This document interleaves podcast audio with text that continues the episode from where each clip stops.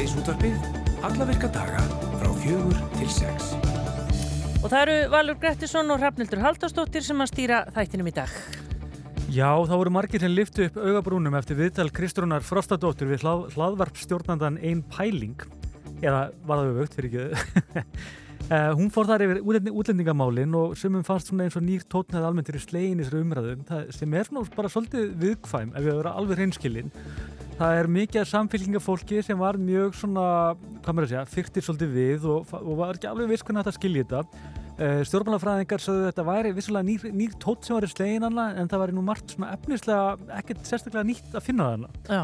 Og hérna, við ætlum að fá hann Jóhann Pál Jóhannsson, hann er þingmaður samfélkingarinnar og hann kemur til okkur og ræðir hann svona, en hann mynda nýja tón, samfélkingarinnar í, í það minnsta og sem og bara svona umræðin í heilsinni. Hún er bara, ég held að það þurfa aðeins að fara að tala um það hvar mörkin eru, hvernig við höfum að gera þetta og svo framvegis. Já, einmitt það.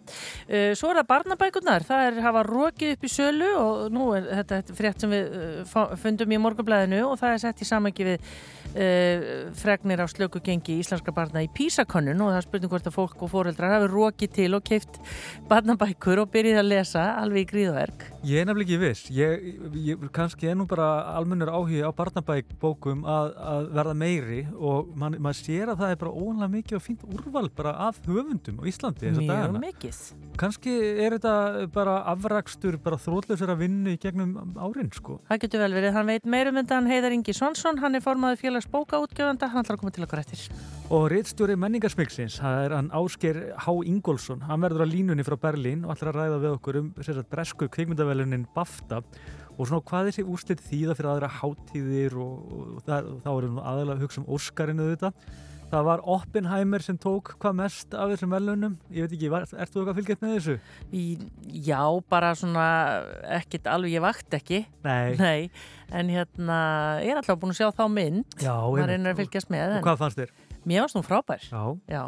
Hún er bara að fær fullt af velunum, svona þau helstu. En það eru samt aðra bíómyndir hana sem eru mjög spennandi. Meðal annars svona kveikmynd sem er í, í kveikmyndasölum núna á Íslandi sem heitir Poor Things og er mjög svona, ég var að segja umdelt að einhverju leiti, þetta er um sagt, konu sem Emma Stone leikur sem fær barsheila grættan í sig og, og hún fer að uppgöta svona, já, það hvað er að vera kona Já. og hérna, þetta er ansi, ansi merkilegt. Já. Við fáum að heyra allt um þetta og svo ætlum við að halda okkur í menningunni því að Gísur Páll Gísurarsson, hann er söngvari og formaður klassís, hann ætlar að koma til okkar og segja okkur aðeins ræðið þessum hugmyndum sem að menningamála ráð þeirra kynnti í dag. Það er að segja ný þjóðarópera sem verður hluti af þjóðlukursunu með aðalsetur í hörpu. Já, þetta er, þetta er vagarsagt sérstakt en þetta er aðdeglisvert. Það með kannski áhugaverður reyna er að þjóðaróperan verður skipið 12 einsöngurum og 16 manns í kórs. Svo er þetta fast starfsfólk líka og maður veldir í fyrir sig bara hvað þetta þýðir, er þetta eblast, er þetta að vera eitthvað annað, eitthvað, einhvers konar undir, skuffa í þjóðlíkursinu vonum ekki, ég minna að klassikinn á Íslandi er frábær má alveg halda áfram að vera það. Já, fáum að heyra allt um þetta og við ætlum líka að heyra af lýsistöngum og rauvarhöfn sem á að breyta í tónleikasall og uh, ringjum þangað á eftir. En við ætlum að byrja þessu. Herru, já, lauruglustjóri lauruglustjóri lauruglunar suðinni sem fyrir gjöðu tilkynni í dag að grindví, grindvíkingar fá að dvelja í bænum alla sólarhingin samkvæmt nýjum reglum sem taka gildi í fyrramáli Það er gert á eigin ábyrð, það er ídrekað innviðir eruðut í Lamassessi og enn hætt á ferðum en formaður bæjar á Skrindavíkur og lauruglumæðurinn Hjálmar Hallgrímsson er á línunni. Heyrður í okkur? Já, já. Já, já, já, blessaður og sæl velkomin. Eh, segðu okkur, hérna, segðu okkur nú eitt, hérna, þetta eru umtalsverð tíðindi. Hvað svona þýðir þetta og hvað þær þurfa Íslandingar að hafa í huga sem og grindvingar?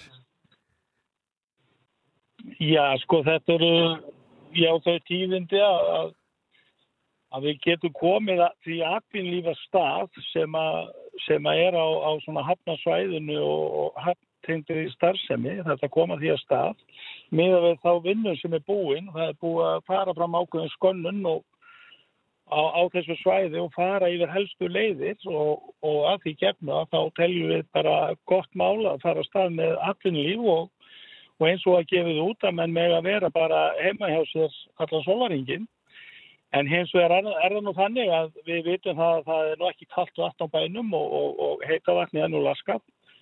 Þannig að, að það er nú kannski engin að fara að dvelja þetta núna en, en, en aðkoman og við að sækja eignir og fleira, þetta er náttúrulega gjörbreyting fyrir grindvíkinga. Hvað skýrir þessar breytingar? Er eitthvað, eitthvað nýtt í stöðunni eða hvernig svona, af hverju núna frekar enn í fyrir viku síðan? Já, skýringarna hafa svo sem verið þær að nú hafi lokið ákveðinu skönnun á, á þessum uh, á þessum svæðum sem eru opinn. Það eru náttúrulega hluta svæðum í Grindavík lokuð en, en, en, en stór hluti af göttunum er, er talin bara nógu tryggur til þess að leipa bara inn á það umferð og það hefur náttúrulega verið vandamál með svona stöttu stuttum tíma inn í Grindavík fyrir fólk sem er að sækja eigu sínar og íminnslegt og í því kerfi var náttúrulega ekki tekið ráð fyrir því að fólk er í vinnu, það þarf að fara til læknis og, og íminnslegt annað með börn í skóla þannig að tímati voru mjög óhæntvír en, en með þessu þá gjör breytist þetta allavega. Já, þýðir þetta eins og til dæmis bara fyrir útgerðafyrirtækin að það fer, fara bara alla vélar í gang?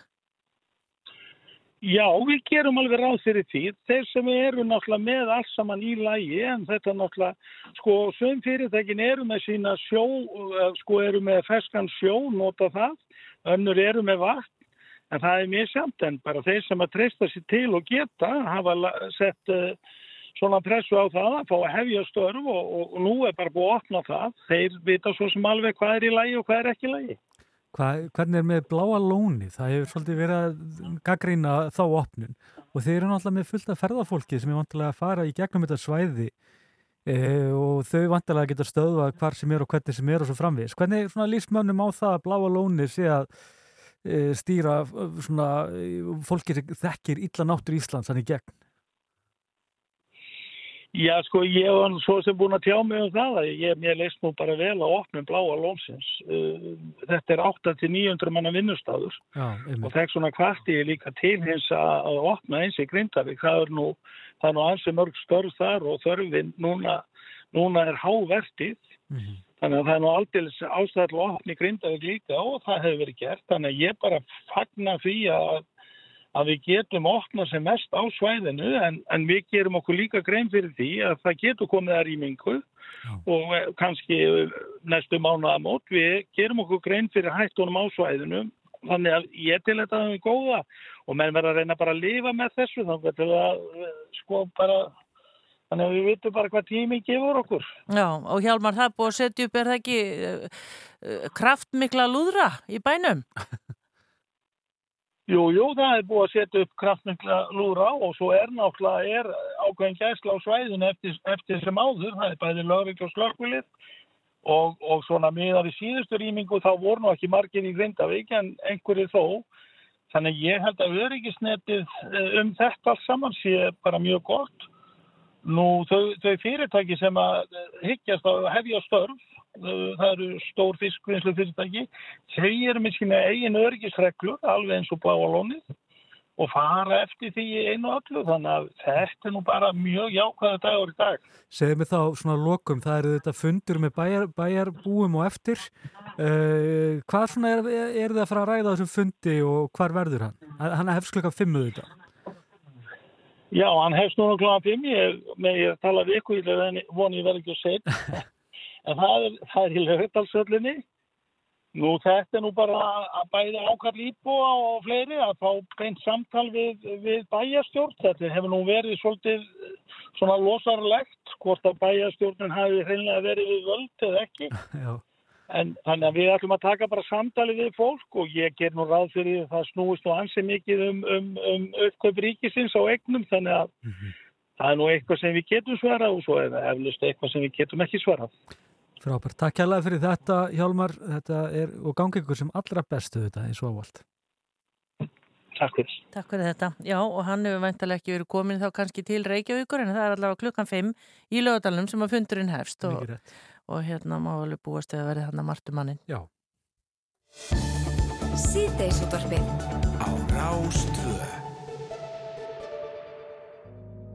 Ég reyna að koma mér gegnum dægin og lætið eins og að allt sé í lægi síðan ber ég sorgin í hljóði.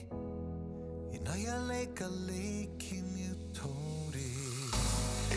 Eða ekki dýrmættri orkið að að velja bara við allt sem að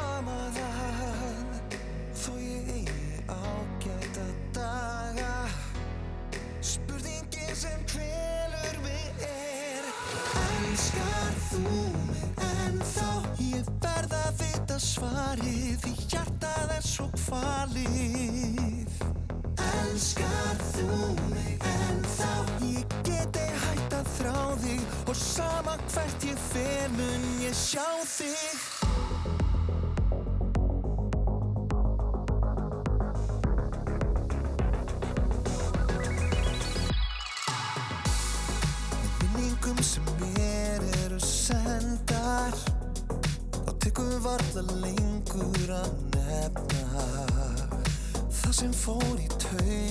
með forðum. Get ég varla líst því.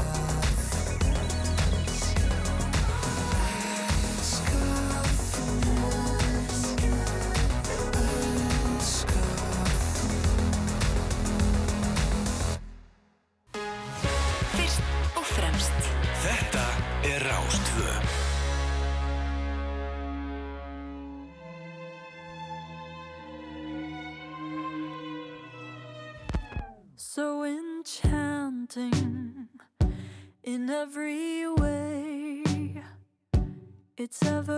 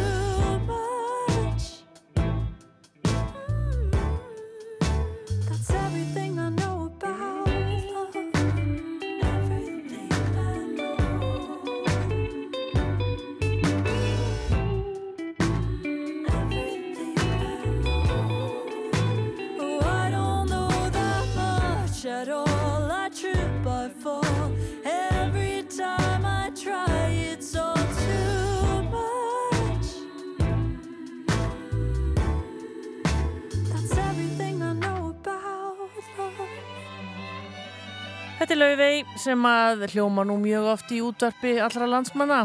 Já, laufin og annara landsmanna og annara, og bara heimsbyggðarinnar. Já, En hingaði kominu þetta hann Jóhann Páll Jóhannsson, hann er þingmaður samfélkingarinnar og velkomin, við ætlum, við ætlum nú bara svolítið að vaska upp þessu umræðu varandi Kristrúnu Frástadóttur Já. og það er búið auðvitað að margir samfélkingamenn eru ósáttir en svona fórustan virðist vera nokkurn veginn vissum að, og sem og stjórnmálafræðingar þarna sé ekki um mikla stefnubreitingu að ræða í það minnsta, en það er svona mönnum er brúðið yfir, yfir svona tóninu sem er slegin. Já, ég meina stefnubreiting eða ekki stefnubreiting, það er alltaf alveg ljóst að, að þetta er svona ný, ný nálgun og, og nýr, nýr tótt, ég held að það fari ekki fram hjá neinum og ef svo væri ekki þá, meina það er náttúrulega útskýrur einhverju leiti þennan titring sem verður. Er bara- Og þá mitt velti maður fyrir sér uh, er, er þessu umræða mitt að að sem innlegur áhuga maður um umræður Mm, sem, sem ég já. er og óneitanlega umræðuna um umræðuna. Akkurat, Og þá, umræðuna um umræðuna um þá umræðuna. velti maður fyrir sér með hvort að auðvitað uh, útlendingamálin, þau eru bara sérstaklega viðkvæm, það er ímislegt í húfi og það eru bara margir sem fara bara há og síð um leið og það er talað um þessi mál með einhverjum hætti. Ég held að margir upplifi að, svona ótta við þetta. Uh, er það kannski að breytast núna? Um, ég held að skipti bara opaslega miklu máli sko að, að e, við stjórnmálamenn er, er með tölum um þessi mál af virðingu gagvart fólki um, og oft er þetta svona ákveðin jafnvægislist að, að einmitt uh, segja hvað manni finnst og, og hérna uh, og, og tala opinskátt um hlutina uh, og svo hins vegar það að, að bara einmitt gæta þess að, að jaðar setja engan í umræðunni, Seg, segja ekkert sem sem hérna, já, er til, til þess fallið að, að hérna, valda fólki þjáningum, sko. Uh, þannig að, sko, það þarf að einmitt fara, fara svona varlega inn í þessa umræðu og hérna, ég hef til dæmis verið, verið mjög óanaði með að hvernig sjálfstæðismenn tala um þessi mál. Mér finnst þið stöðugt verið að gera þarna mjög í raun tiltölulega fámennan hóp innflytjenda, uh, ábyrgan fyrir því að innviðir hafa verið fjársveltir, Mm. uh, ábyrgan fyrir því að, að verndarkerfið okkar til dæmis uh, virkar ekki eins og við viljum að það virki Mm. uh, að málsmeðferðartími er of langur og svo framvegis uh, þannig að það, það er líka gæta þess að, að hérna að taka ekki einhvern hóp út fyrir sviga og, og skrýmslavæða eða, eða gera hann einhvern veginn að blórabögli fyrir allt sem er að í samfélaginu sem ég finnst stundum hérna uh, ég, ég held að svo tilneying þeirra tilneyingar gæti, gæti stundum hjá, hjá stjórnmálamunum sérstaklega svona hægra megin Og það, þetta er einmitt svolítið aðteklisvert vegna þess að ég, ég, bara, ég er hérna, mér skaman að fletta upp tölfræði líka og þar sé ég einmitt að til að mynda á síðasta ári þá Mhm. voru uh, rétt um 4.000 manns Mhm. sem komu hingað í, í gegnum sem hælistendur og flótamenn og Já. svo framvegis. Þetta er allt tekið saman vil að merkja. Og þarna er Venezuela og Úkraina, þau eru lang nákvæmlega mál. akvaða mest og þetta er svo áhugavert vegna þess að Venezuela er með 1500 manns á meðan Úkraina með, með sömutölu, 1500 það, það og þetta um sér að 100 manns veruleguleiti pólitískar skýringar Já, og rekja- já. og það finna er einmitt að síðan sko þessi hópur sem hér áður var veist, og við erum ofta að tala um hérna hefðbund og hælisteitendur Já. sem ha- voru veist, 200 manns árið 2010 Nákvæmlega. og voru há- hátt í 1000 manns hérna árið 2019 sá hópur hefur ekkert stækka mikið. Nei, ef við lítum fram hjá þessari, þessari þróun þegar kemur á Úkrænu sem er, sem er algjör samstæð um Akkurat, að taka á móti. Og svo, svo Venezuela þar sem við erum með þetta hérna, uh, þetta ringl í Einmitt. kerfinu og þessa, þessa umdeldu ákvörðun sem stjórnvöld tóku um viðbótarvernd. Við erum raunverulega, allir þessir, im, allir þessir innviðir Mhm. sem fólk er að tala um er, veist, og þessi mikli, þetta er náttúrulega ótrúlega fjöldi, það er engin Já, já. vaf á því. En aftur á móti þá er þetta annars vegar Venezuela og hins vegar Úkraina Já, og gleymum því heldur ekki náttúrulega að, hérna, stór, að stóri massin er, er fólk sem er að koma af ES-svæðinu til þess að vinna hérna. Já, já, það er svo hitt En Já. af hverju er þetta þá svona viðkvæmt núna? Af hverju er svona viðkvæmt svona ummæli? Ég held kannski bara umræðan sé, hún er bara býsna eitruð sko. Um, við sjáum bara hvernig til dæmis utaríkisráður hefur nálgast þetta, hann setti þarna út færslu á Facebook þar sem hann bendlar uh, fólkið sem hérna á ástvinni á gasasvæðinu sem hafa fengið dvalarleifi samþygt er að bendla þetta fólk sérstaklega við skipulaða glæpastarfsemi. Uh, og það eru svona, svona tilneyingar í umræðunni sem einhvern veginn já, gera það, sem er verið að einhvern veginn skrýmslavæða fólk og, og kenna, kenna fólki hérna, þessum í raun jáðarsettu hópum um allt sem hérna, aflaga fer í samfélaginu sem hérna uh, og, og, og svo einhvern veginn erum við á, á vinstri kantinum sem hérna viljum hérna, verja jöfnuð, uh, viljum, viljum sterkan vinnumarkað sem ver- verður ekki, ekki of lagskiptur, viljum gæta þess að verði ekki til tvískipt samfélag hérna. Uh, það er einhver leiti kannski vandkvæðum bundið fyrir okkur að hérna, nálgast þessa umræðu án þess að einhvern veginn já það sé kannski bendlað að einhver leiti við, við það hvernig hægrimennirni tala sko. en, en við þurfum samt, við hérna, félagsíkju fólk þurfum líka að tala mjög skýrt í mínum huga um þessi mál. Uh, og vera ekkert að fara í grafgötur með það að við ætlum að hafa ákveðna stjórn á landamærunum okkar. Uh, eitt af því sem Kristrún saði í viðtalinu og, og hefur verið svona umdelt er að er hún tali yfir höfuð um landamæri í samhengi við uh, velferðarþjóðfélag.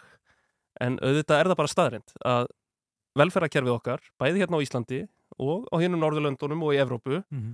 uh, hefur alltaf verið byggt upp í kringum þjóðríkið og þessa umgjörð sem í, í því felst og þar erum við að tala um landamæri, ákveðna stjórn, ákveðna stýringu þegar kemur að fólksflutningum uh, líka uh, ákveðna stýringu þegar kemur að til dæmis uh, fjármagnu og sköttum, Vi, við Mhm. viljum tryggja að tekjur sem verða til í landinu uh, séu skatlaðar Mhm. Innanlands Já, já En, þessi atriði sko en Uh, fljótlegasta leiðinu til, til þess að losna við hælisleitenda vandan á Íslandi er náttúrulega að banna Venezuela og Úkrænubúum að koma til landsins Er það eitthvað sem þið myndu myndu segja að vera farsalt? Það er búið að taka Já. fyrir einhver leiti með já, Venezuela sko, en með Úkrænu, myndið þið vilja hætta að taka á móti fólki frá Úkrænu? Nei, ég er á, á móti. Ég, Já. ég, ég tel algjörlega einbúið að taka, taka vel á móti. Svo næsti Eh, hópur er náttúrulega bara Palestínu já, sem eru já, já. 213 manns Já, já. En þarna eru- þurfum við líka að gangi í takt við löndinni kringum okkur og gæta þess að vera ekki að setja sko fordæmi eins og var gert hérna í tilviki Venezuela Mhm. uh, sem við hérna missum svo stjórn á og getum ekki almennilega staði við sko. Einmitt, en eru við mjög ólík Nor Norðurlöndunum þegar kemur að þessum, þessari pólitík? Um, sko, það er náttúrulega eitt, eitt í þessar umræðu líka sem hérna er svolítið meðsvísandi, það er þetta með að, að hérna, það, það er ekki þannig að, að Norðurlöndin séu með einhverja sameiginlega Nei. stefnu eða sameiginlegt regluverk Einmitt. um uh, vendakerfið og umsækjendur um alþjóðlega vend. Það, það eru ólíka reglur í þessum löndum. Uh, en eh, til dæmis eh, þessi meðhöndlun Venezuela umsókna, það var sér íslenskt fyrirbæri uh, á skjön við það sem hinn Norðurlöndin gerðu. Það ollið í til dæmis að, að við fengum 1200 umsóknir þaðan árið 2022 meðan þær voru örfáir tugir á hinnum Norðurlöndunum. Annað sem er sér íslenskt, það er til dæmis þessi þjónustu svifting sem mælt var fyrir um í, í útættika frumvarpi Jóns Gunnarssonar sem við lögðumst gegn og myndum leggjast gegn aftur ef, það, ef, ef við stæðum aftur frammi fyrir því. En það er svo annað sem. Kristrún hefur sagði, Já. hún, hún, er ekki neikvæð hvað þeirri hugmynd að búa til svona hvað maður að segja, eitthvað, eitthvað skona svona Lokað búsettu úrræði. loka búsitt úr það, já, ég man, það er Já, alltaf, eitthvað pólitísk Já, orðræði er, kringum einmitt, þetta er ákveðin nýlenska sko, hérna, þetta eru náttúrulega varðhaldsbúður sem við erum að tala um. Já, já, akkurat. Þetta heitir, Þetta heitir það á í ennsku, brottvísuna sko. tilskipun Europasambandsins þá heitir þetta Special Detention Facility sko. Já, Detention Center og í Já, Englandi, Detention Center Já. uh, sko, það er þannig að við náttúrulega tilheyrum hérna, við, erum aðeinslega Schengen samstarfinu og við erum bundin af þessari brottvísuna Mhm. tilskipun og, það, og hún leggur bann við því að, að útlendingar sem er verið að frelsisvifta í tengslum við brottvísun séu vistaðir í fangelsi Mhm. með glæpamönnum og eins og þau verið já. glæpamenn uh, og það er mælt fyrir um emitt þetta, já, úrræði varðaldsbúðir Já, já. hérna, þetta hljómar voða krútlega búsetu úrræði en hérna Lok, loka en búsett þetta er- já, já. Uh, það sem við höfum lagt áherslu á þarna er að hérna, við erum aðili að Schengen, við erum bundin af brottvísunar tilskipuninni, samkvæmt Mhm. núgildandi lögum er verið að vista þetta fólk í fangelsi. Já, uh, þannig að við erum alveg opin fyrir því að skoða það að, hérna, að útlendingar sem hafa fengið sinjun, uh, jafnvel á tveimur stjórnsýslu stegum eru ósamvinnu þýðir uh, sem liggur fyrir að er hægt að vísa til þess staðar sem, sem er búið að ákveða að ég að senda þá. Uh, að þá sé ekki endilega óeðlilegt að, að það sé einhvers konar lokað úræði til staðar. En þá, ég meina við erum á mótið í að, að vista börn í varðhaldsbúðum.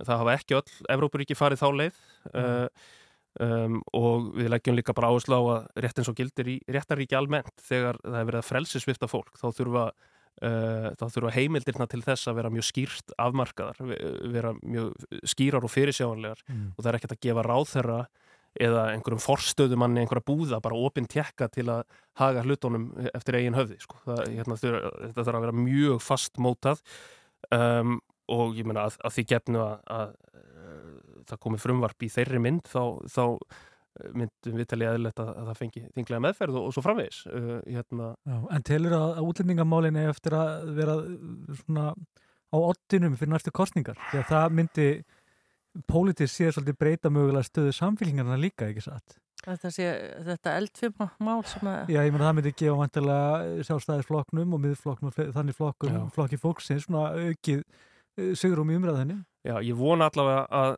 stjórnmálinn geti einhvern veginn borið gæfu til að, að fara ekki með þetta í einhvern svona ógeðfeldan farveg eins og hefur eh, eins og hefur gætt svo víða í Evrópu að það sé eh, stöðugt verið að gera þetta fólk að blóra bögli fyrir allt Mhm. sem er að uh, skrýmslavæða og hérna búa til grílur og, og æsa fólk upp einhvern veginn gegn einhverjum hópum. Mm það er það sem er eh, svo óþólandi En bara fyrir kostningarna sjálfar, ég meina það er ljóst, sko... auðvitað þarf að menn tala um þessi mál Já, menn hafa er verið að tala um þetta samingi við innviði og annað eins. já, já, En ég held að allir hefur verið menn alltaf að sjá að innviðir að kemur að heilbriðiskerfinu þeir voru alltaf brustu ekki bara áðan þeir brustu nei. fyrir, fyrir, fyrir, yfir áratug síðan. Algjörlega. Og hérna, þannig að það er alltaf hægt að kenna hælistendum um þann vanda Nei, það er algjörlega frálegt að kenna hælistendum En það er eins og bara, Já, já, þá er alltaf, þá, þá er alltaf leitað einmitt að einhverjum hópi til að benda og Já. segja, hérna, herru, við getum nú píntað eins þennan hóp til þess að við höfum þetta öll eitthvað betra. það situr óvinna mikla spennu í hennar málaflokk, það er bara já. þannig Já, já, þannig að maður veldur í fyrir sig hvað skal þetta gera er tilneingi hvernig, sem verður að forðast. sko. en hvernig var að þetta? Hvað, ég meina, í fyrsta lagi fólk sem eru þetta með sín sjónarhótt þegar kemur að útlendingamálum og, og maður verður, verður maður ekki að reyna bara að skilja þessu sjónarmiði í staðan fyrir að fara að háa sér Jú, og ég held að það sé líka það sem kannski Kristrún hefur verið að reyna hérna í þessum viðtölum sem hún fór í, að einhvern veginn tala um þetta uh, af virðingu en samt uh, opinskátt, ég meina hún er bara hún er bara voða bl- blátt áfram alltaf í, í hérna, því hvernig hún talar og ég held að það sé einhverju leiti það sem fólk kann að meta við Kristrúnu Frostadóttur að hún er ekki þekkt fyrir að, að ritskoða sjálfa sig sérstaklega Mhm. um, en hérna við þurfum einhvern veginn að geta geta rætt um þetta opinskátt uh, og að virðingu við fólkið sem hérna er undir Látum það vera að loka orðin, Jóhann Páll Jóhannsson, þetta var ansi fróðlegt. Næst er það menningin. Síðdeis útvarpið Á Rástvö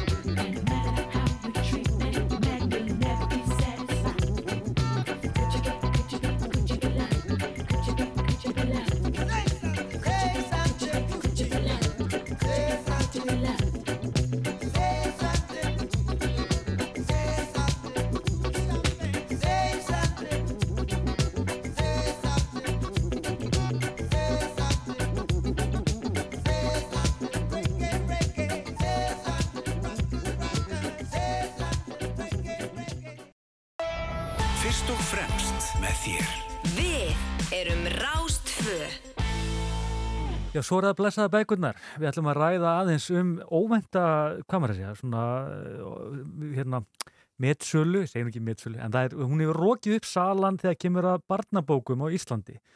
Eh, Það var fjallamöndi í morgunblæðin í dag, mjög fróðulegri grein og við erum með hann hérna Heiðar Inga Svansson, hann er formað félagsbóka útgefanda og er hjá okkur. Velkomin.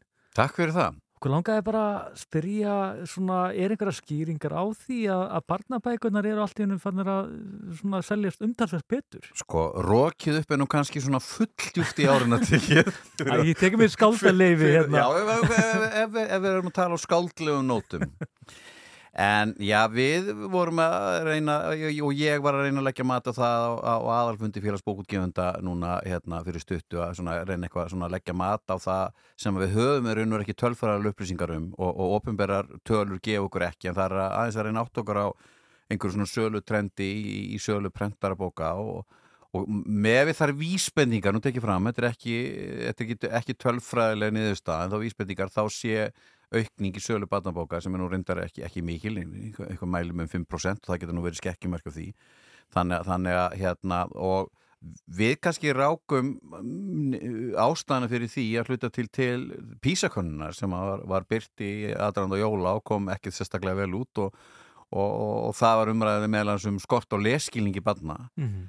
ég líka bara, það er nú líka bara gott að fá hérna þessar tölfræði kannski, eh, nei þessar, þessar vísbendingar sem við höfum stiðja, eru líka svolítið bakkar upp bara starfsfólki á vettfangi bókabúðum Mm. sem bara upplýði það að afar og ömmur og foreldrar bara hérna svöruðu þessu, þessu ákalli um, um, um bættan leskilning með því að, með því að kaupa bækur og, og sala og nú er ég búin að tala við nokkra aðla markanum og, og meðal hans það upplýsingar sem eru haðar eftir Ingimar Jónssoni fórstjóra pennans í, í, í hérna í- í hérna mokkanum í dag og ég heyri líka í Sigþúðu frangatastjóri á forlæginu að, að já, að, að sala sérst á barnabókum líklega er þessi sölaukning sem er nú svo sem ekki mikil en, en, en, en, en ef þessar vísbendingar eru réttar að það með einhver leiti rekja það til, til hérna aukningar á sölu barnabóka og setni síðasta hluta ársins út af, og, og það sé þetta rekja það til þeir, þessar slægleira niðurstöðu í, í písakonum En er sko, manni finnst umræðan um barnabækur og bara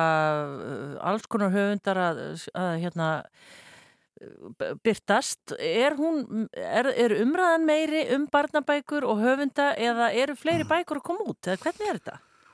Sko, ég held kannski að, að það sé, það er mjög fjölbreytt flóra á barnabókum og, og ég held kannski að, og, og, og, það er líka kannski, það getur líka verið gott að skoða þetta svona með auga aðkofumannsins og ég veit til dæmis að, að bara erlendur útgefundur sem þekki eða erlendur aðalar sem þekkja til bókútgáfu sem horfa á íslenska bókamarkan og eru að skoða þetta þeir skiljurinn eru ekkit alveg í þessari fjölbreytning, hvernig við förum að því. Já. fyrsta lagi halda úti bara bókútgáfu og svona blómleri eins og hún er.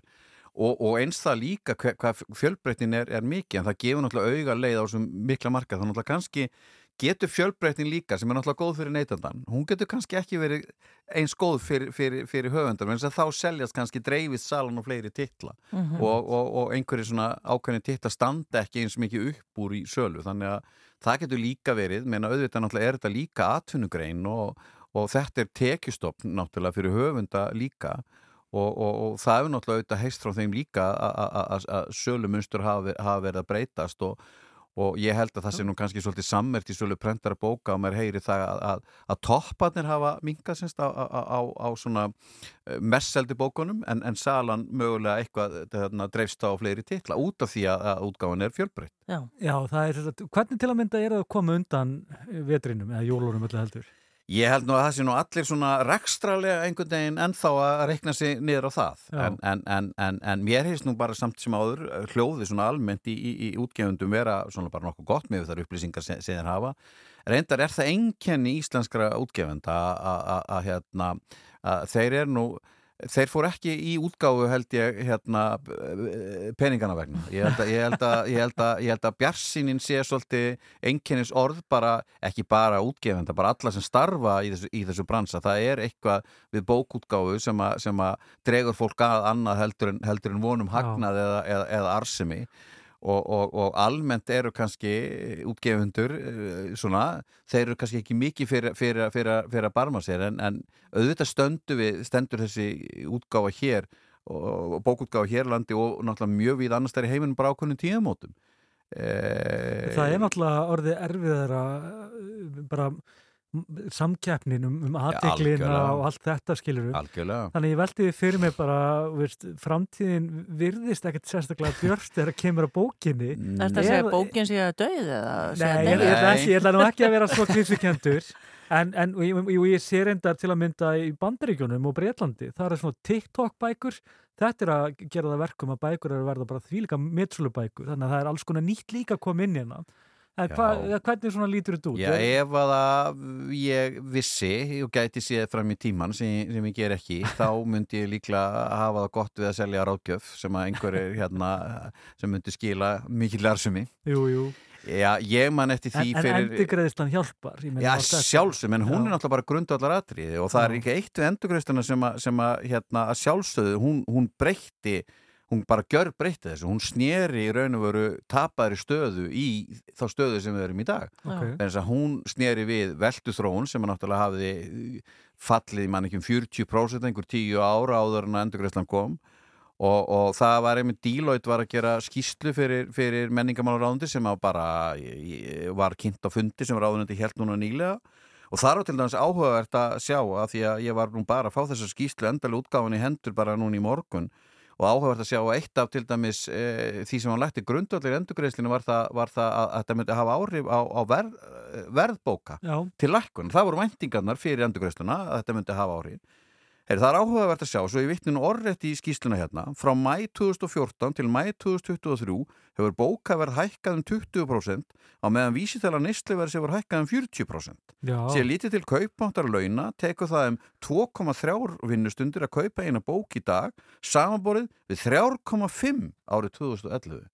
Og ég held að þetta til dæmis skipti líka máli varðandi það að ef að það sé nú reyndin að sala prentara bóka hafi kannski eitthvað aukist pínlítið á síðast ári í heildina en ekki minkað þá sé það líka eh, hlut, þetta sem skipti máli að verðlagning að verðbóka sé hlutvarslega betra í dag, kakvart neytenda heldur en kannski ímsa annari vöru Ímis önnur gjaf, af því að við erum líka aðtuga bækur og gjafavara náttúrulega. En eru, en eru barnabækur líka jólabækur? Þú veist að við séum aðalega að kaupa barnabækur í, í kringu jólin. Nei, það er nú svolítið tvískipt og, og, og ég held að, að, að einmitt að sala barnabóka sé blandari heldur en á ýmsum öðrum tegundum. Það sé meira af, af bó, bókum keift bara í skóin eða til gjafa bara svona, svona almennt og, og halda bókum á börnum og, og, og, ammar og, öfur og, ömmur og, afar og foreldrar náttúrulega notið tækifæri við, við út nýjótgóðum bóka.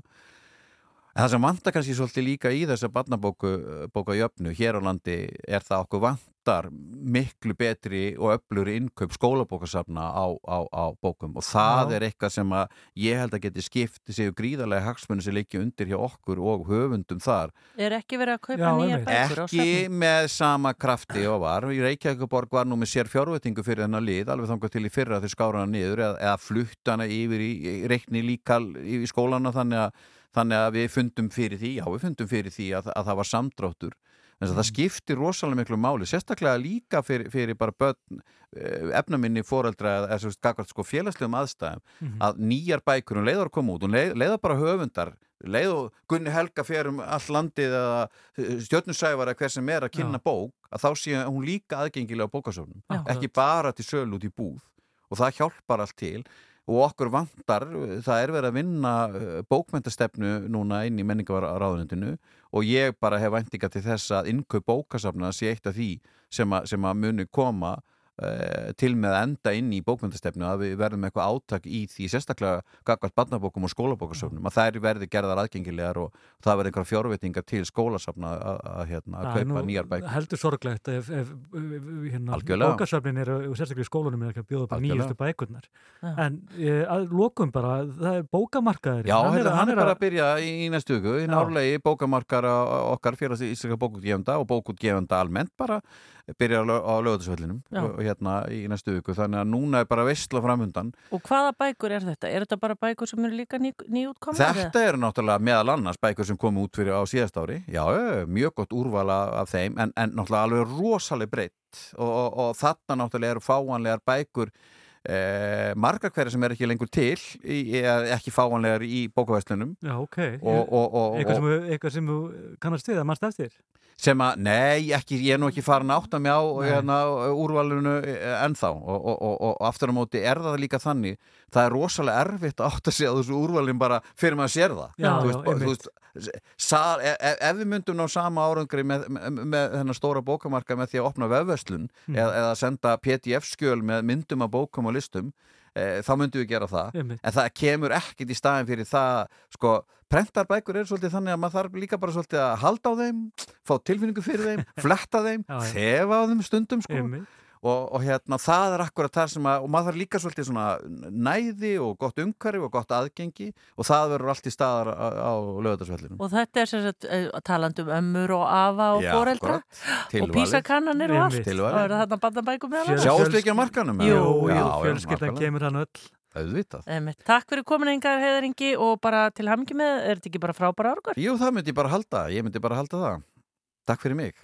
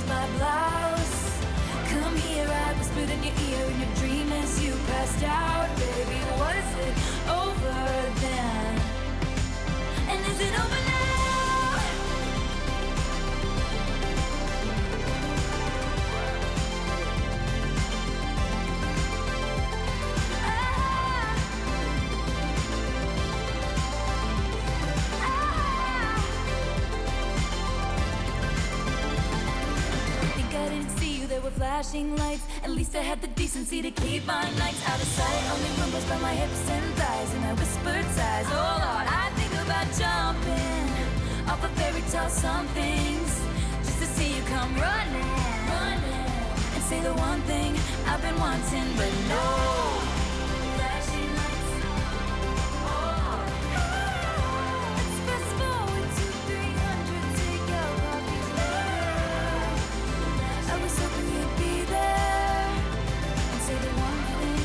Við ákváðum að skella í eina Taylor Swift hérna, It Over Now og uh, það er að koma að uh, tilkynningum og fréttum klukkan 5 og svo höldum við áfram í síðdeis útdarpinu og við ætlum að vera allir menningarnótum hér í setni hálfleiknum því að við ætlum að tala um uh, BAFTA-velun og uh, Áskir Ingólfsson verður á línunni frá Berlín. Við ætlum að tala um Gissur, tala við Gissur Pál uh, Gissurason sem að er óperusöngvari og hann er líka formaður klassís um uh, nýja þjóðuróperu og svo Lísispanka Þú ert að hlusta á síðdeis útvarpið. Á Rástvö Já, eins og ég nefnd, nefndi áðan þá ætlum við að tala um lýsistanka sem á að breyta í menningarhús á Rauvarhöfn og við ætlum að fá Gissur Pál til að tala um uh, nýja þjóðarópuru hér eftir smástund, þannig að við erum á menningarnótunum en við ætlum að byrja á BAFTA.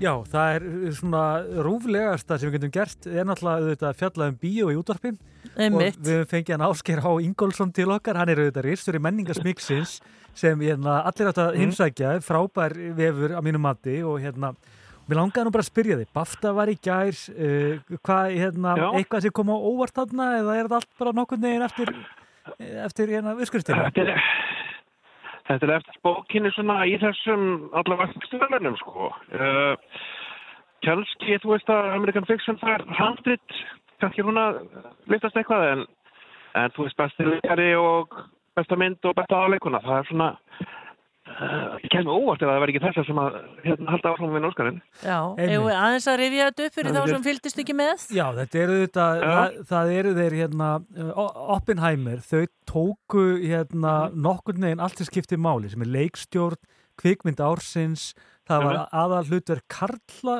Karla eða ekki?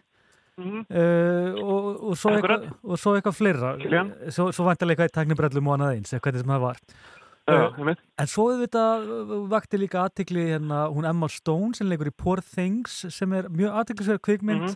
sem kannski ekki allir á að séð Mhm. en er í íslensku kvikmyndahúsum núna og svo var Mhm. kvikmyndin Holdovers þar er uh, auka hlutverk kvenna svört kona, ég skulum bara játa að það er bara erfitt að segja nafnið hennar og hérna, maður kannski Já, það einn Joy Randolph. Já, já. Held ég að sé. Hvað hérna, þetta er hérna, þetta eru svona þrjár myndir sem virðast hafa vakið hvað mesta að, aðtegli. Hvað svona heldur þetta að segja okkur svona um kannski, ef að segja Óskarinn? Um, Karin, hann svo sem uh, hann er kannski pínu að leita sjálfan sér bara eftir COVID og allt það og hérna uh, og það er alltaf búin að vera vendingar að sko uh, að þú horfir á svona kannski þessar stærstu þá er það kannski ekki uh, stórt en ef þú horfir á alla tíu sem er tilnefndar í Óskarnum þá ertu með þrjór erlendar eða það er tvær erlendur og eina sem er mest á kóri sko, þú er bandarísk. Einmitt. þannig að það eru svona alveg hérna svona hagfljótandi þú veist spillingar Já, þannig er hérna- Poor Lives er hérna einmitt einu sér að mynda. Hún var ekki neinn velun á BAFTA til að mynda. Það er dásamlega bíómynd Mhm. einmitt ef einhver hefur ekki séð hana sem fjallar um bara uh, fólk sem vinni sem ná saman á lókum eða ekki.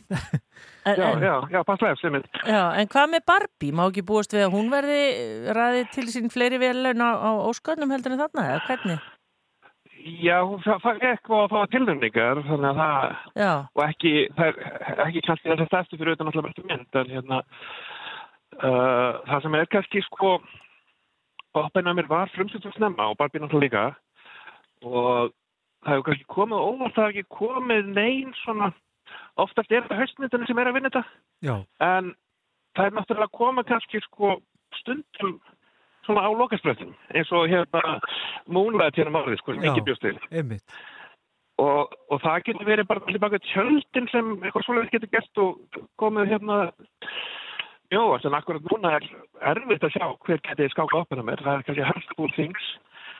Já, einmitt, en Poor Things er líka, hún hefur fengið svolítið svona, svo- hún hefur umdeilt. Uh, það er, sumir hafa verið að tala Mhm. um það, þetta er náttúrulega kvikmynd um unga konu, það er einhvern veginn grættur í hérna barsheili sem er náttúrulega, þetta hljómar allt mjög rugglað og, hérna, og hún fer í svona mm Mhm. kynferðislega uppgötanir í, í líka með fullur hann á konu með barsheila. Ég veit ekki alveg hvað maður á að segja. Já, sko. akkurat. Þannig að þetta er náttúrulega... Þetta er náttúrulega... uh, Þetta er náttúrulega sérstök mynd náttúrulega og hérna, ég var píla skeptiskur alveg fyrst sko, en uh, kannski má segja hún, segja, fullornast óeðlilega snemma, Mm. en þá samt lifnar myndin við sko. Já. Að hérna, þá er nöfut ekki alveg fullorn, en hún er svona, að sumuldi eins og fullorinn, en að sumuldi kannski svona bara dótti að, eitthvað verölduna svona með aukt brað Já, og hérna og jú, þú veist, þetta er þetta er rosalega falli mynd þetta er svona hérna svona steampunk Victoria hérna tímabilið og er kannski, þú veist, það er alveg mátt gera það vissulega aðeins en hérna það er mátt kannski vera fjölbreytari uppgötun heldur en bara kynlífið sko en hérna, en það er svolítið alveg gert á varunlegan hátt oft sko já. En hvað með, Hérna- en hvað með kvikmyndina Saltburn? Ég hérna, Já. sá hann einmitt. Hún er, nú, hún er tilnefnd líka, fekk fimm tilnefningar. mm -hmm. Einmitt. Ég ætti að sjá hana. Ég var ekki, ég var ekki svaklega hrifin að næsta undan en bara ég veist ég ætti að sjá Henni En hún gekk- ekki verið að vinna neitt mikið held ég sko. Nei, henni gekk fyrir eitthvað illa einmitt á, í, í gær á Bafta, hún Mhm. fekk held ég ekki, ekki einhverja, einhver velun, ég veit ekki alveg hvort, hvernig það var og eins og með Barbie, þau mættu hann á öll einmitt uh, til þess að Búin að koma alla þessa leið. Já, þau koma alla leiðin frá bandaríkunum og það, þú getur rétt ímyndað þér og, hérna, og það var bara Mhm. hérna, í- eftir hverja einustu hérna, hérna, verðlun þá þurftu þau bara að klappa þeim hérna, lofi lóa sko. Já, já. þannig að það var svolítið erfitt og manni sýnist Barbie ætla að verða svolítið svona tapari þessari verðlunaháttíðar Já, náttúrulega, má kannski segja Oppenheimer og Barbie, það verður einvið í sumar þar sem að Barbie kannski var hérna peningaverlun en Oppenheimer verið ætla að vinna hérna stýttuna sko. Og hérna sem er kannski sjálfur sér fyrir sjálf sko, Barbie kannski meiri blockbuster og Oppenheimer svona virðurlegri og alvarlegri sko. Já, það en, kemur þannig ekkert, ekkert mikið óvart sko. Það gæti allavega ekki verið ólíkari. Nei, sjálfsir ekki sko og hérna en segð mér Ásgeir, þú ert auðvitað hérna- í, í Berlín sem útskýrði einmitt að hérna, hljóðið, það er svona smá fjarlæði í, í hljóðinu, en segð mér, hérna, er ekki alþjóðlega kvikmyndaháttíðin að vera hefjast þar í, þar í borg? Jú, hún er bara í miðjum klíðum hérna, Killian Murphy var í opnarmyndin og þurfti svo mynda að fljúa til þess að fara á að taka ölurum Einmitt. og hérna Gítum þetta að blamnafundin með hann sko, koma óvart hvað hann er lítill. Uh, en hann er, hann er svakalega mikil sko, það, það er bara svona stjörn og ára yfir honum Já. þannig að hérna, Matt Damon var hann líka og það hann var framlega og þú veist, hann var bara í skugganum einhvern veginn í alvörundi? Ok. Já, það er svona einhvern veginn. Og hvernig horfður á þá mynd með Killian Murphy? Já, myndin var svona allt í lægi, sko, ekkert mikið meira það. Já. Uh, uh, ég var svona vonast til þess að, sko, ég var rosalega hrifin af, ég með hrifin að kemja með því sem leikar og mér er kannski svona synda, sko, en að mér sé svona þessi stóra mynd út að það er svo margar flottar ískarmyndir sem hann hefur verið í, sko. Er hérna bara gaman ef að kemja ykkur svona Já. í kjölfarið ykkur svona ískur klassiker sem að hérna myndi, hérna, uh, sem fólk myndi svona uppgöta hinn íska kiljan, sko. Já, einmitt. En það er nú svolítið erfitt að keppa kannski við Kristoffer Nolan sem er svona Jú, jú. hann er með sjónræðni leikstur um veraldar bara á eftir hérna Já, já, honum, honum sem gerði Dune og allt þetta þannig Já, að já. En þannig að uh, hátíðin fer, hvernig myndir þú segja að hún sé að fara að stað þá þessi, uh, hérna, kvikmyndahátíðin í Berlín? Er þetta, er þetta skemmtilegt? Já. Er, er þetta Já, þraut að ég, ganga? Nei, þetta- er hérna, það er skemmtilegt að þetta ganga líka náttúrulega bara mikið að myndum og hérna mikið að fara með metrónum milli staðarna, sko. Já. En hérna, Eru þið En með salta, er þið með, hérna- með salta eða sigra pop? uh, það er sjálfnæst poppa svona krimdaðum svona að ráði, sko. Hérna. Já, það er það er svona takt að fá það einhvers vegar bæði. Já, já.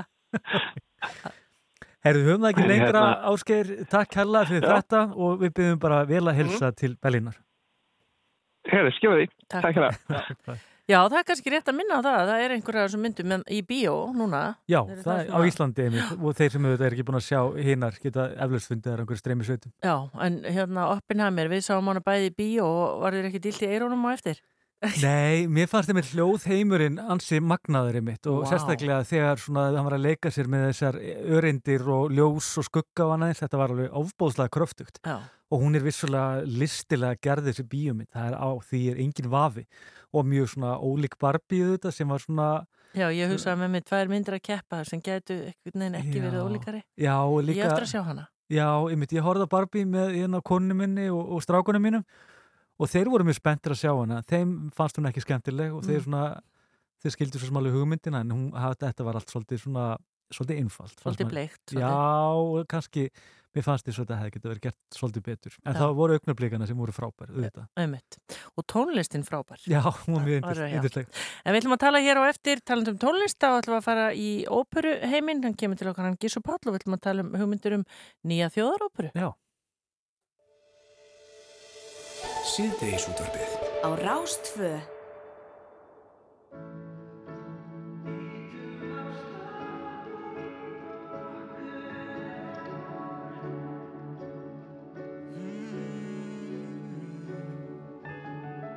Ég kveð, knús og bless, byrja að telja niður.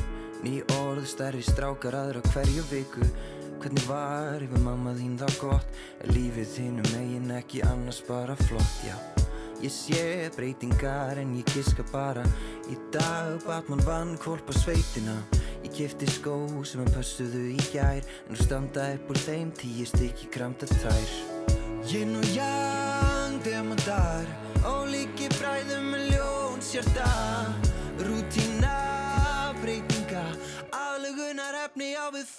farfugla Ítum á stopp í nokkur ár. Fristum tíman smá. Allt og margt sem ég vil sjá. Ítum á stopp í nokkur ár. Það miklu fleiri mínútur Með þessum litlu farfuglum. För bara helmingin af tímanum Framförum og mistökum og frítugum Öllum gæða stundunum Ú, Með þessum farfuglum. Ég er eins og er pappi hlutastarfi. Hvert bró og sér hvert tár fær bara helmingaði Ég hitti mann sem þú kalla pappa tvö Og ég óska þess að gaurinn seti bros á þína vör Sex ár, bráðum tólf og því stækki bara. Ég sé mikinn mun bara milli daga En dreymir stórt kringum ykkur fjöldi manns Sem að grípa fyrsta rasi, fyrsta tapi, fyrsta allt. Ítum á stopp í nokkur ár Fristum tíman smá. Allt og margt sem ég vil sjá. Ítum á stopp í mínútur með þessum litlu farfuglum. Ítum á stopp í nokkur ár. Fristum tíman smá Allt og margt sem ég vil sjá. Ítum á stopp í nokkur ár. Það miklu fleiri mínútur með þessum litlu farfuglum För bara helmingin af tímanum framförum og mistökum. Mm. Amalum og frítugum öllum gæðastundunum. Ú, þessum farfuglum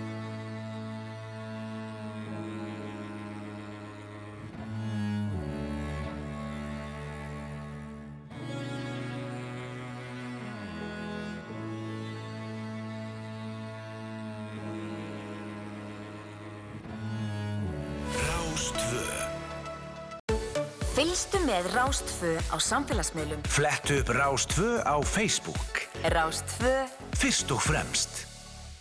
Ég veit svo margt hefur breyst. Og vindar blás ekki eins og áður fyrr. En hér erum við. En þá hlið við hlið. Og ég veit það er þarna enn.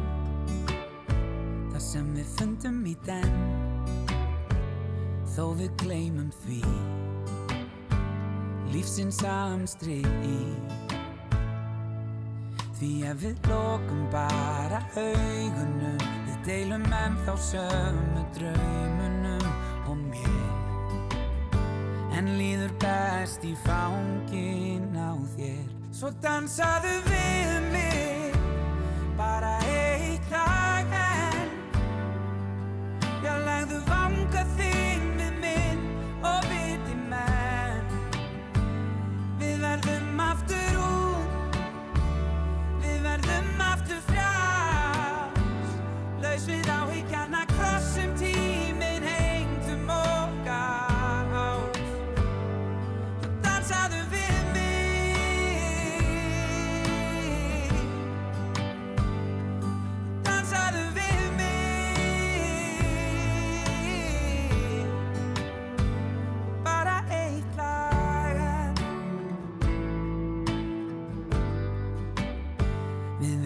eftir svo margt.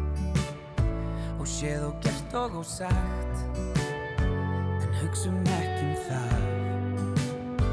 Og njótum dagsins í dag.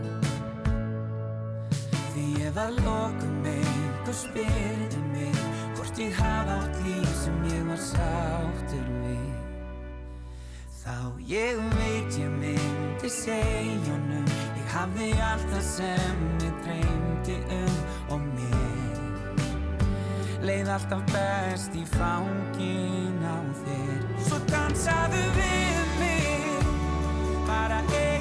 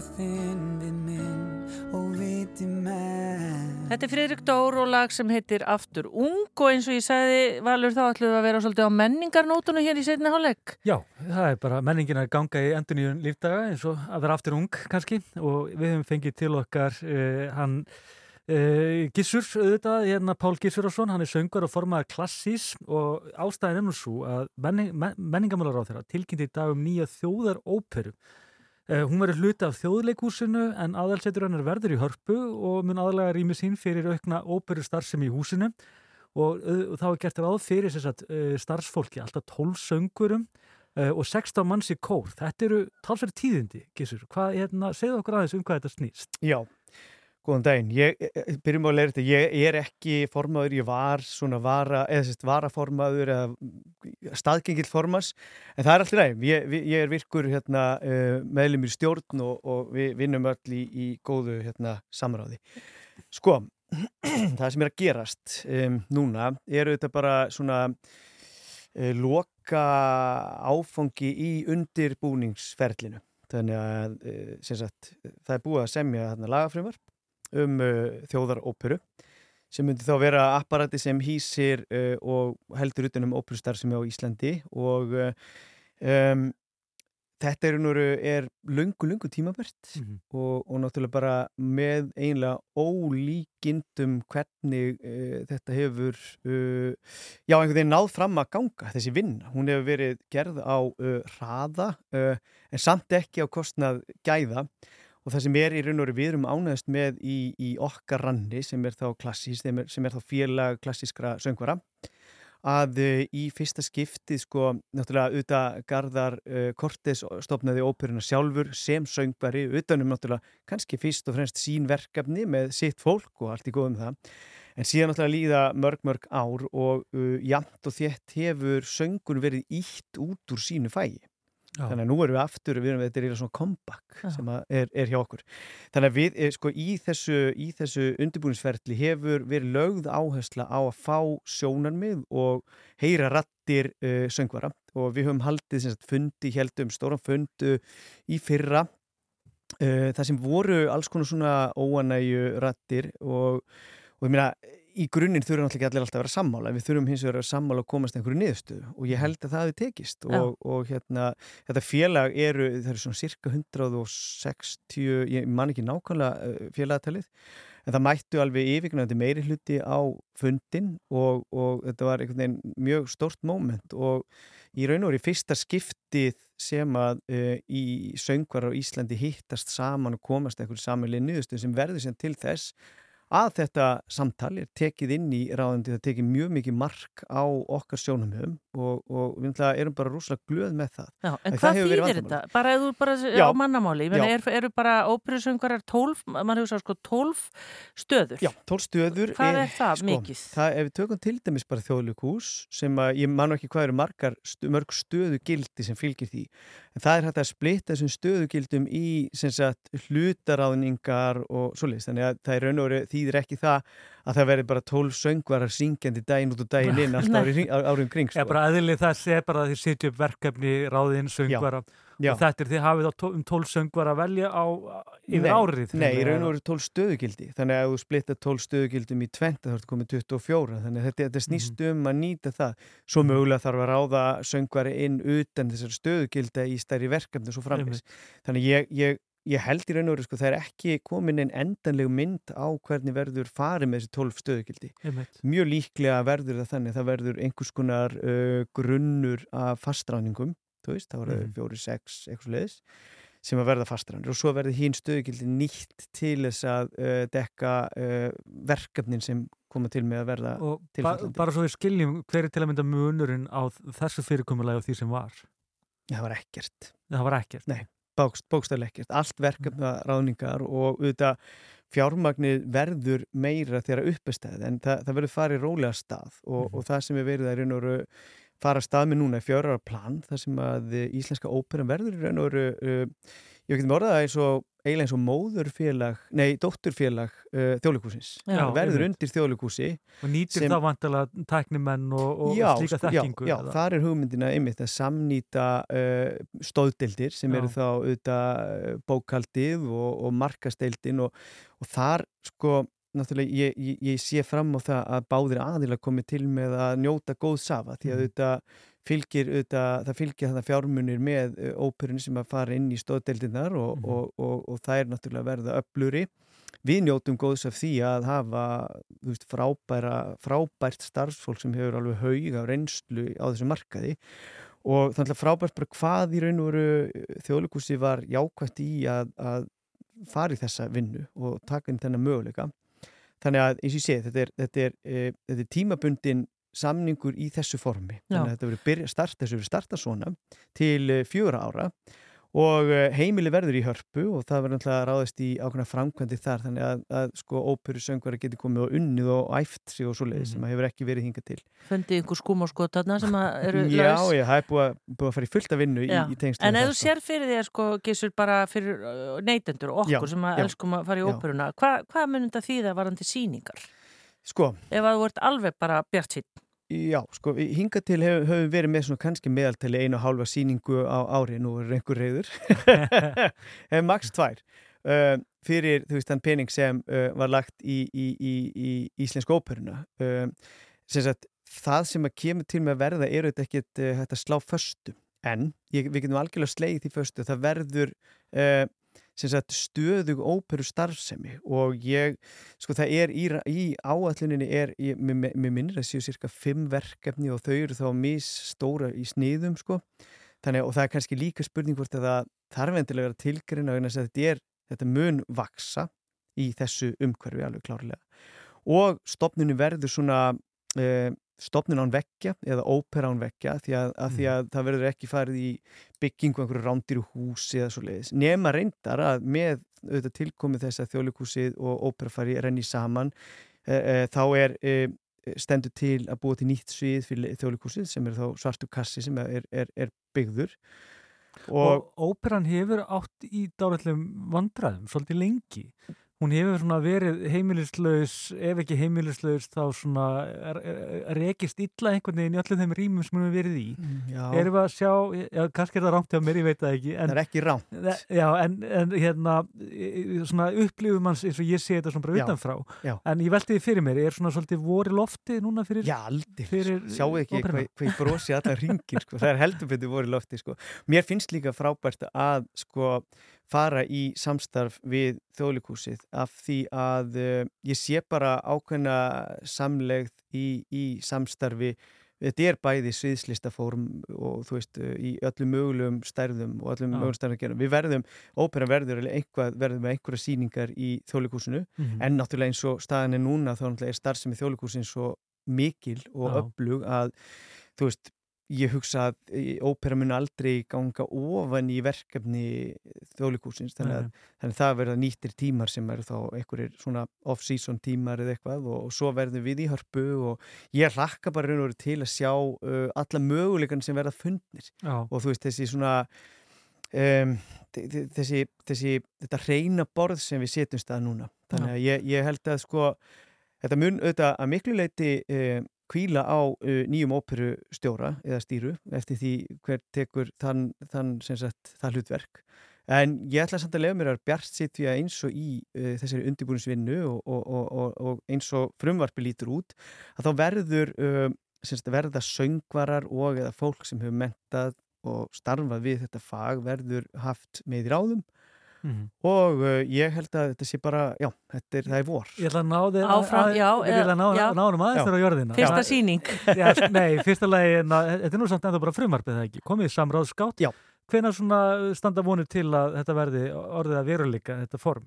Sko, Er að því gefna Já, samþykja að, að, að því gefnu allt gangi vel og allt verði samþygt að þá hérna þá er stemt á að opna dyr uh, reyndar ekki fyrir almenningi því það þarf náttúrulega skipuleika fyrstu sýninguna en, en sem sagt að, að óperustjóri lauma sér hérna bakdýra megin inn í hörpu uh, hérna um uh, bara fyrst eftir áramót 2025 Já, einmitt. Uh, það er planið og eins ég segi uh, hérna ég, ég er mjög bjart síðan því að sko ef við ætlum að setja þetta í samingi við kostnað þá eru hérna til dæmis varnagararnir utan um Grindavík Mhm. ég hugsa að þetta séu 8 til 10 ár rekstri óperunar að, og líka annað eh, sem ég finnst mjög gaman að nefna að óperan er, er hérna alþjóðlegt form. Þú veist, hún er, hún er eh, þú veist, leikús, það sem tungumálið sem slíkt skiptir ekki máli, heldur er að tónlistin utan líka tungan Uh, og uh, á meðan til dæmis uh, leikúsin hafa, þú veist, í svona hefðbundum samhengi úr að móða þessum hérna, 400.000 træðum sem eru hér, þá er ópera með möguleika upp á rúmar 2 miljónir að raunverulega alla sem koma á heimsæk ég hugsa við, við erum að sjá líka fyrir að sko formið sem var á íslensku óperinu og þá er ég ekki að gaggrina stjórnun eða nokkuð skapan hluti, var bara þannig og sem var ekki gott var að þetta var allt rekið sko ár fyrir ár þannig að það var ekki hægt að gera almennileg plön Mhm. þar alveg var ekki hægt að setja niður uh, síningar fram í tíman eins og þarf að gera eins og fyrir túrista Einmitt. fyrir, þú veist, það er mikið um ráðstefni hald hérna það sem að hérna fólk er, já, af öllum gerðum Já, já. sem að hefur áhuga á þessu formi. Og það gleymist oft líka vinsældir eh, listarinnar, náttúrulega kannski erfiðar að meta það ekki gerum óperuna því að þið hafið auðvitað verið alltaf brokkakeng undanfarið, en til að mynda það kemur að leikhúsinu, þá voru árið 2000 og hvað var það, 19 Já. voru fleiri sem mættu í leikhús heldur nú alla fótbollaleiki á Íslandi til samans. Einmitt. Þannig að Já, það voru vel yfir 200.000 mann sem mættu yfir árið, Einmitt. auðvitað lengra tímabil og Já, já. ákveðna ástæði fyrir því, Já, já. en ég er bara að sína fram á að það er, fólk er algjörlega vannmeta áhuga Íslandinga á Já. almennleiri list. Já, sko. og svo náttúrulega gerist það í kjölfæri þegar að hérna, óperan er komin í, í, í stabilt að þetta, þetta alltaf, voru alltaf samningar sem voru gerðir uh, á hverju ári og engin, vi- svona, engin viss og engin fyrirsjónleiki þannig að nú verður fyrirsjónleiki og þá er hægt að uh, búa til prógram þar sem verður frambúð og við náttúrulega vitum alveg hvernig bara er þannig ef að það er ekkert frambúð á. Pepsi þá drekkur enginn Pepsi ég er ekkert að auðvitað fyrir Pepsi sko. Er bara, nei. þetta Já, er tekst en Frábær- dæmi sko. En ætla að fara nýri í alþingi núna og syngja fyrir þingmenn? Já. Þetta er náttúrulega bara góð hugmynd. Ég held að ég sé ekki að fara ángraði í vinnunni en við kannski bara bjóðum þeim, uh, þetta er því frábær hugmynd. Ég, ég þóri valla að lofa þessu, ég verð þá bara að standa við það sjálfur, það bara, en við ættum bara að halda tónleika fyrir uh, alþingis, Já. uh, starfsmenn alþingis, uh, já. Það er að andof óperusöngur að vera ekkert sérstaklega sálsökafullir einsla held ég. En ég bara sé ekki hverju við þurfum að andmæla, ég Nei. er bara mjög bjart Þetta er allavega stór dagur. Já. Þetta er það og, og þetta er uh, frábært líka vegna þess. Við höfum, sko, Ísland, uh, ríkið hefur uh, í gegnum tíðina alltaf lagt fjegina málaflokk og miklu, miklu meira fjeg og miklu meiri stuðning heldur en bara íslenska óperuna. Því að um, við erum með söngnám út um, um alla trissur þar sem fólk uh, lærir og við eigum auðvitað, þú veist, fullt af söngurum núna sem að eru starfandi erlendis og uh, einfallega náttúrulega fyrst og fremst vegna þess að það er ekki hægt að vinna við þetta hér um, engöngu, þannig að sko, ég veit ekki hvað ég segja það myndi skjóta skökku við ef að, ef að sagt, þetta næri ekki fram að ganga. Vegna þess að í fyrsta leið þá er þetta samrunni stopnana, þetta er ekki raun og veru verið að búa til nýja stopnun fjármagnið sem er áallega í þetta að búa til heilan starfsvettvang er náttúrulega bara grín. Veist, að, þannig að, og ég held að mögulega sé bara margir og ég hugsa að um, þetta verði bara frábært. Bara til hamingi Takk fyrir komuna í síðdeis útvarpið. Já. Takk fyrir, takk. Já, Þú ert að hlusta Á síðdeis útvarpið á Rás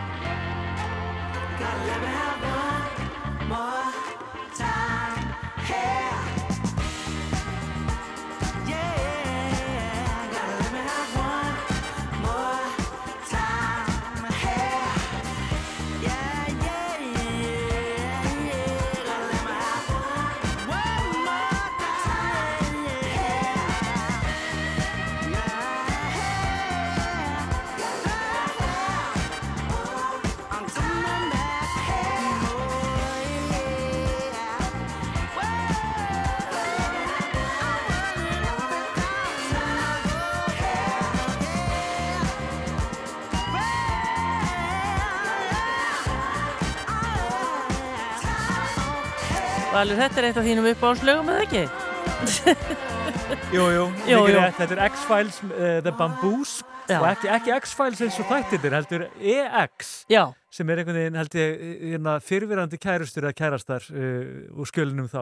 Ummitt það. en ekki það skipti öllum máli. Nei, en við, við, sagðist, við ætlum að halda áfram aðeins í menningunni því við erum ákvæmst á fréttum það að nú er búið ákvæða það að lýsistankar á Rauvarhöfn verði að tónleikarsal og það hefur fengist þarna styrkur sem að samtök sveitafélaga og atvinnuþróunar á Norðurlandi Eistra ákvæðu að verja í þetta verkefni og hún Anna Steina Höskuldóttir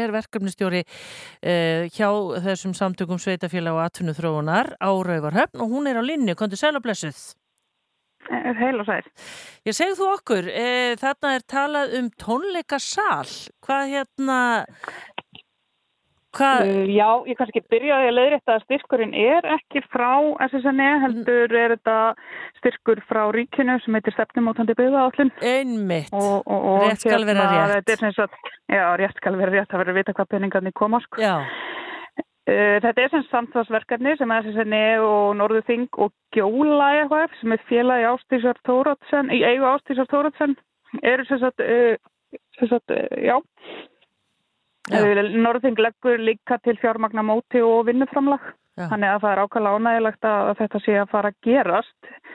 Sem sagt lísitangarnir hérna áræður eru að fá nýtt hlutverk með þessu verkefni og verða gerði manngengir og mögulegi til notkunar fyrir þá upptöku, lustasýninga, tónleika eða bara í raun og veru hvað sem er, þeir verða ennþá mjög hráir og, og hérna ekkit endilega fullbúið tónleikahús eða neitt slíkt, heldur eh, meira svona bara, það er hægt að nýta það í ýmsa hluti og þetta er kannski svona fyrsta skrefið vonandi af fleiri skrefum einhvern í framtíðin, það væri gaman einhver tíman að byggja á millir og vera þar með kaffuhús eða eitthvað slíkt en þetta er svona fyrsta skrefið. Já, en þessi tankar hafa staðið þarna tómir í einhver ár, voru hreinsaðir, við vorum að veltaði fyrir okkur við valur, hvort að lýsisliktin fyndist það þá?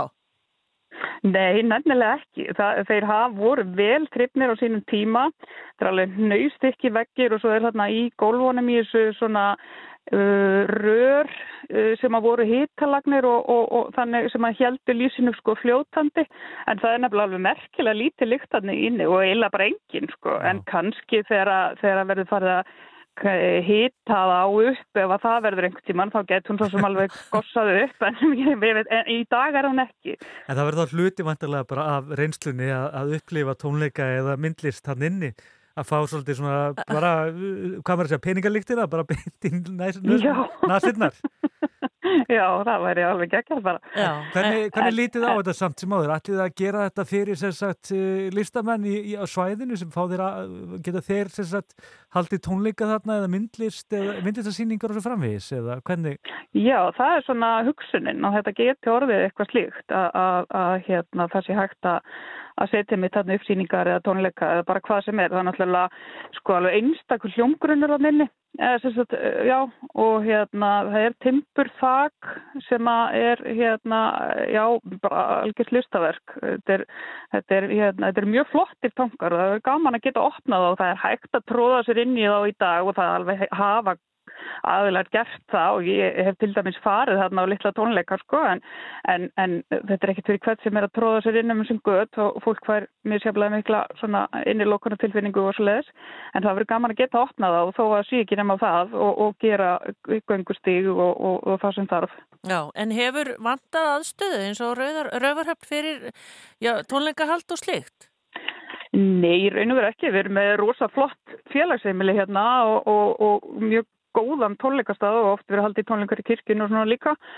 En, en þeir hafa svona staði bara án hlutverks núna í tæp 15 ár cirka eitthvað svo les þeir voru byggðir þeir voru byggðir hérna ára 1938 til 40 og, og uh, það eru svipaði tankar til á landinu annar er á Djúpuvík og Ströndum og svo eru tankar á Hjastýri en þeir eru aðeins minni um sig og, og, og með stiftu þakki og stiftum stöplum en það er ekkit svoleiðis í okkar þannig að þetta er svona tækifæri bara til þess að, að hérna að nýta þá Já. svo sem erum með neinn það er ekkit, ekkit frá gengið sko en það væri bara þú veist þeir í raun og veru hafa ekki tvengi hlutverkinga til þannig að það er bara skemmtilegt að sjá hvað verður í framtíðinni. Er þetta gamli tankar? Hvernig er? Og er- Hver er svona saga þeirra og er fyrirtæki sem nýttu þá? Hva, hvað er það?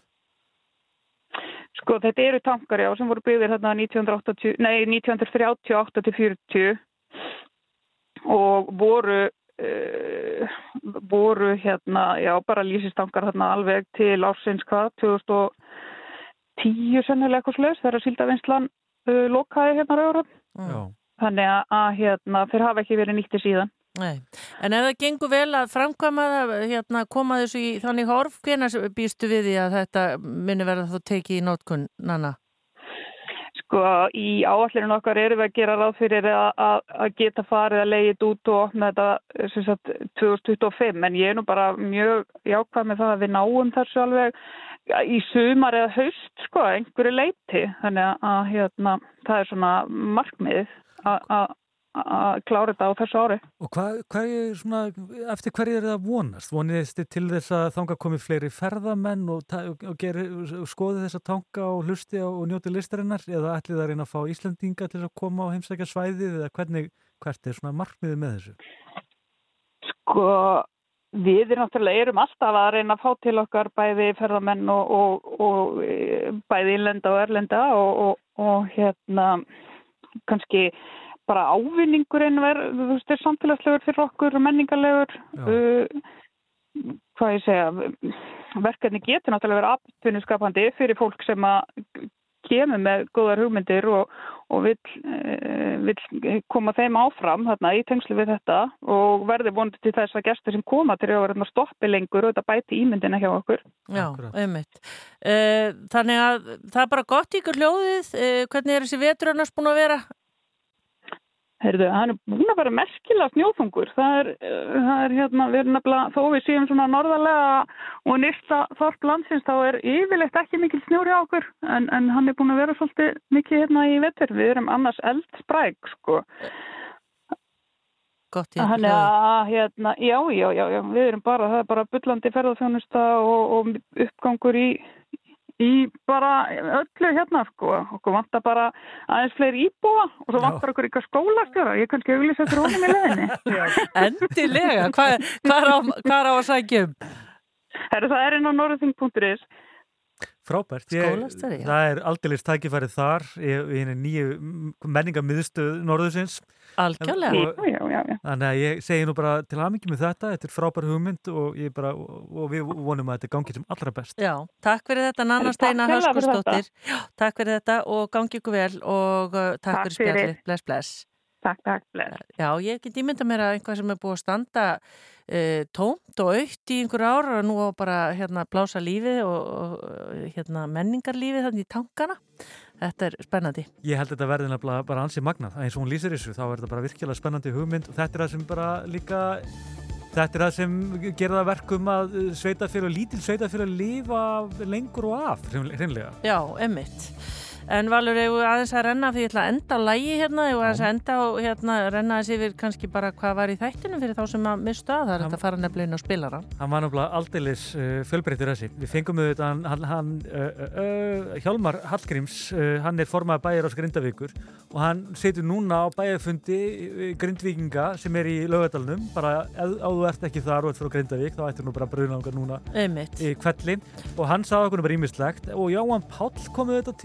til okkar, hann er þingmaður samfélkingarinnar, tölum aðeins um útlendingamálin. Já, einmitt og uh, svona þess að viðkomu umræðu og hvert hún svona Já. Uh, leiðir, það eru náttúrulega kostningar uh, framundan. Það eru kostningar framundan, það er virðast að snúast eitthvað um útlendingamálin. Já. Það er svona málaflokkur sem bara er mjög viðkvæmur og það er bara mörgur fyrst er að tala um þetta, margir fyrir að háa sig, hvorum megin sem þeir standa í þessu máli og, og hinn hófsami miðjumæður veit ekki alveg kannski hvernig hann á að snúa sér í þessu umræðu. En það er kannski bara að vera, bera virðingu fyrir fólki og, og, og, og hugað bara einu lusnum, ekki, ekki hatrinu. Já, einmitt. Svo koma til okkar hann uh, Heiðar Ingi Svansson, hann uh, er formaður félags bóka útgefanda og ég vorum aðeins að spyrja hann út í barnabækunar hvort það væri þannig að þegar við komum ítl út úr písakönnunum Já. að þá rjúku við að stað og kaupum barnabækur. Já, við- sko, barnabækur fóru upp um 5% í sölu sem er, hann vil nú meina að það er ekki eitt rosalega mikið en ég held að það sé nú bara heilmikið með við e, þann flokk. Já, við sögum rökum upp, hann vildi ekki alveg fara að þáka en þetta eru samt góða tölur. Já, já, Já. Það er svona, já, maður ma, ma beitir stundu fyrir sér svona skaldlegum stílbröðum í, í útverkunu eins og í, í bómentunum, sko. Já, en þetta er allavega góða fréttur og svo gáttu við líka að tala um bókamarka sem að hefst einmitt eftir helgi í. Í, er ekki undir stúkunni?